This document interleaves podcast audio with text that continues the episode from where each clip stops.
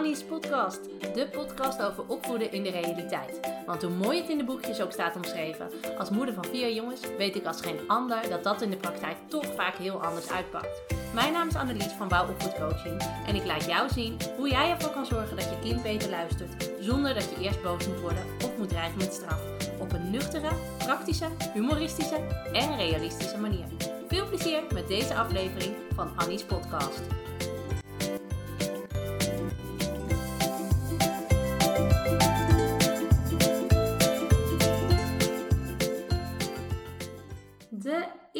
Aflevering van Annie's podcast. Tof dat je er bent. En deze aflevering ga ik je kort vertellen wie ik ben, wat ik doe, waar ik voor sta en wat mij zo anders maakt dan al die andere opvoed- en kindercoaches die er zijn.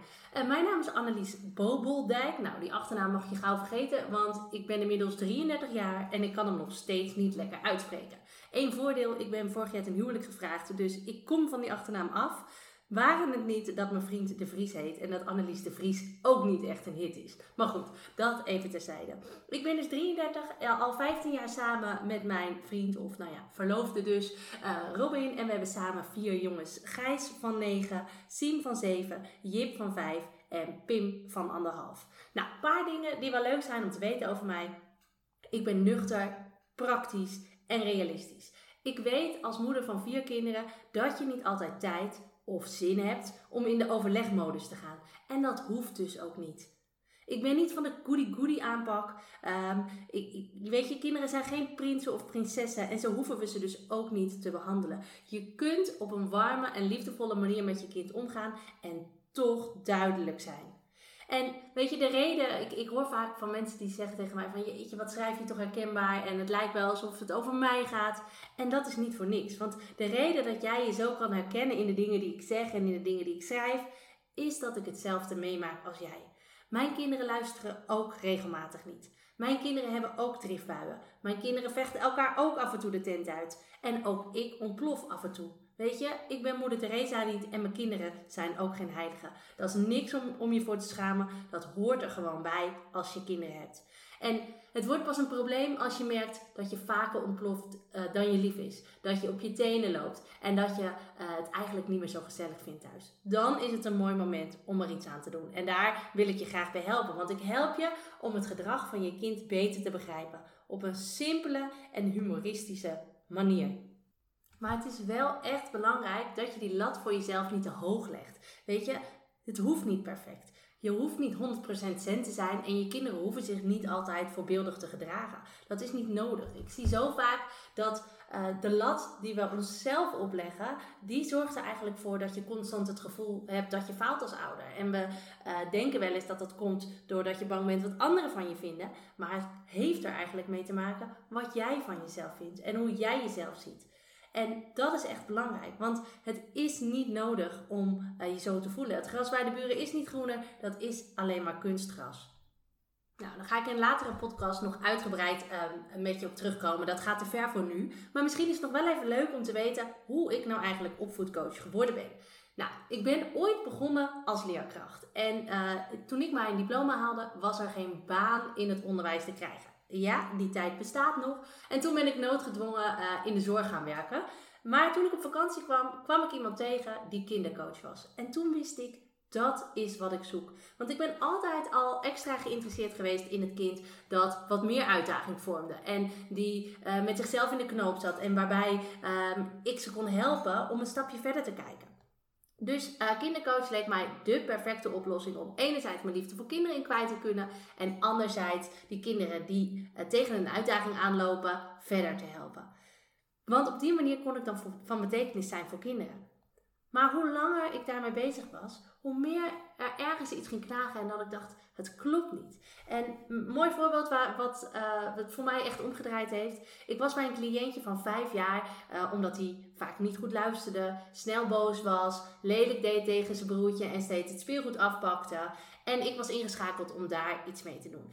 En de, sowieso de kinderen die in mijn praktijk werden aangemeld, werden steeds jonger. Vijf was echt geen uitzondering. Maar terwijl ik met dat jochie aan het werk was, weet je, was een jochie wat snel afgeleid was, was echt een kleuter nog. Ik kwam niet heel veel verder. Maar op een gegeven moment zei hij van, nou, hè, als ik ergens mee wil gaan spelen, dan ga ik het voortaan vragen. En zijn moeder die uh, zat op de achtergrond en die lachte wat. En die zei, nou, zal mij benieuwen. Er klonk zoveel wantrouwen uit en bitterheid. En toen dacht ik, hoe moet deze jongen van vijf nou ooit zijn gedrag gaan veranderen als iedere poging gelijk niet wordt gedaan door zijn moeder? En toen kwam ook steeds meer het besef, hoe eerlijk is het eigenlijk om van een kind van vijf te verwachten dat hij zijn gedrag kan veranderen? Hij kan nog niet eens zijn naam schrijven. Hij kan nog niet eens, weet je, als je hem vandaag vraagt wat hij vanmiddag op school gedaan heeft, zegt hij, weet ik niet. Hoe kunnen we verwachten uh, dat als je dat soort simpele vragen nog niet eens kan beantwoorden, dat je dan wel actief aan de slag kunt met het veranderen van je eigen gedrag? En toen wist ik, als ik echt van betekenis wil zijn voor kinderen, moet ik niet met kinderen aan de slag. Want hè, weet je, een half uur nadat ik bij ze geweest ben, weten ze niet eens meer wat we gedaan hebben. Maar als ik echt iets voor ze wil betekenen, dan moet ik hun ouders helpen. Want jonge kinderen hebben eigenlijk continu begeleiding nodig bij hun gedrag.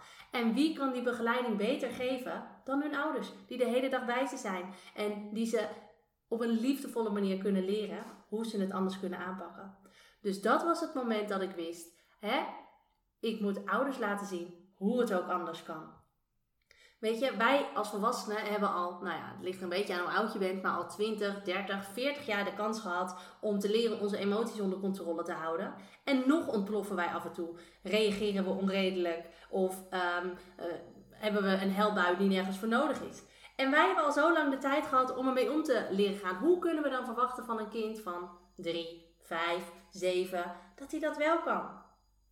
Dus hoe mooi zou het zijn als ouders zelf leren hoe ze hun kind kunnen begeleiden en bijsturen als ze lastig gedrag laten zien. Want je hoeft niet hele grote problemen te ervaren om het opvoeden soms zwaar te vinden. Hè? Het zijn juist die opstapeling van kleine dingetjes. Het niet willen eten, het moeilijk doen bij het naar bed gaan, het uh, treuzelen. Die opstapeling van al die kleine dingetjes, die zorgt dat het opvoeden zo uh, vermoeiend en zwaar kan zijn. En weet je, je hoeft niet als een politieagent op te treden als je graag wilt dat je kind beter gaat luisteren. De sleutel ehm, voor verandering in je gezin ligt echt bij jou. Laten we dat probleem niet neerleggen bij een kind. Laten we het probleem niet neerleggen bij een kleuter of bij een achtjarige. Want dat is niet eerlijk en niet realistisch. De sleutel tot verandering ligt echt bij jou. En dat blijkt ook wel uit de vele reacties die je krijgt uh, van mensen die bijvoorbeeld meegedaan hebben aan de minicursus Word weer de moeder die jij graag wil zijn. Uh, Mira bijvoorbeeld, die zei: Ik kan het bijna niet geloven, maar vanaf de eerste video van de minicursus merk ik al verschil. Hoe is het mogelijk? De cursus heeft me veel inzichten gegeven en het is allemaal zo herkenbaar. Het zijn kleine aanpassingen die nodig zijn om de rust in huis terug te halen. En achteraf denk je dat ik daar zelf niet op gekomen ben.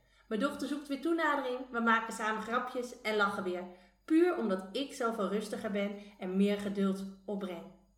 Zo simpel is het. En dat kan je dus bereiken als je zelf leert om op een andere manier te kijken en te reageren op het gedrag van je kind. 90% van de problemen in een gezin zijn echt te verhelpen als jij als ouder op een andere manier leert reageren. Nou, daar ga ik je heel graag bij helpen op mijn eigen simpele praktische en humoristische manier. En dat ga ik de komende podcast allemaal met je delen. Komt goed. Nog een paar cijfertjes voor we gaan afsluiten, want het is te leuk om niet te vertellen dat ik inmiddels meer dan 50.000 ouders geholpen heb met mijn gratis e-books. Meer dan 10.000 ouders met mijn mini-cursussen. 7000 uh, gezinnen hebben inmiddels mijn boek Supermama's bestaan niet op de plank liggen. Dus daar ben ik mega trots op. Ik vind het heel tof dat ik zoveel ouders kan helpen en kan inspireren om te laten zien dat je op een warme, liefdevolle, maar toch duidelijke manier je kind kunt opvoeden. Tot gauw bij een volgende aflevering van Annie's podcast. Leuk dat je deze podcast hebt beluisterd. Kan je nou niet wachten tot de volgende aflevering van Annie's podcast? Ga dan naar Instagram, zoek me op via wouwlaagstreepje want daar deel ik iedere dag toffe en inspirerende tips met je. Om er zo voor te zorgen dat het opvoeden van je kind leuker en makkelijker wordt. Wil je nou nog meer weten? Kijk dan ook even op www.wouwopvoedcoaching.nl slash gratis. Dan kun je je aanmelden voor mijn gratis e-book met 20 tips om ervoor te zorgen dat je kind beter gaat luisteren. Of je kunt je alvast aanmelden voor het webinar Stop met politieagentje spelen. Allebei gratis, dus je hebt eigenlijk geen enkele reden uh, om het niet te doen. Ik zie je volgende keer bij een nieuwe aflevering van Annie's Podcast.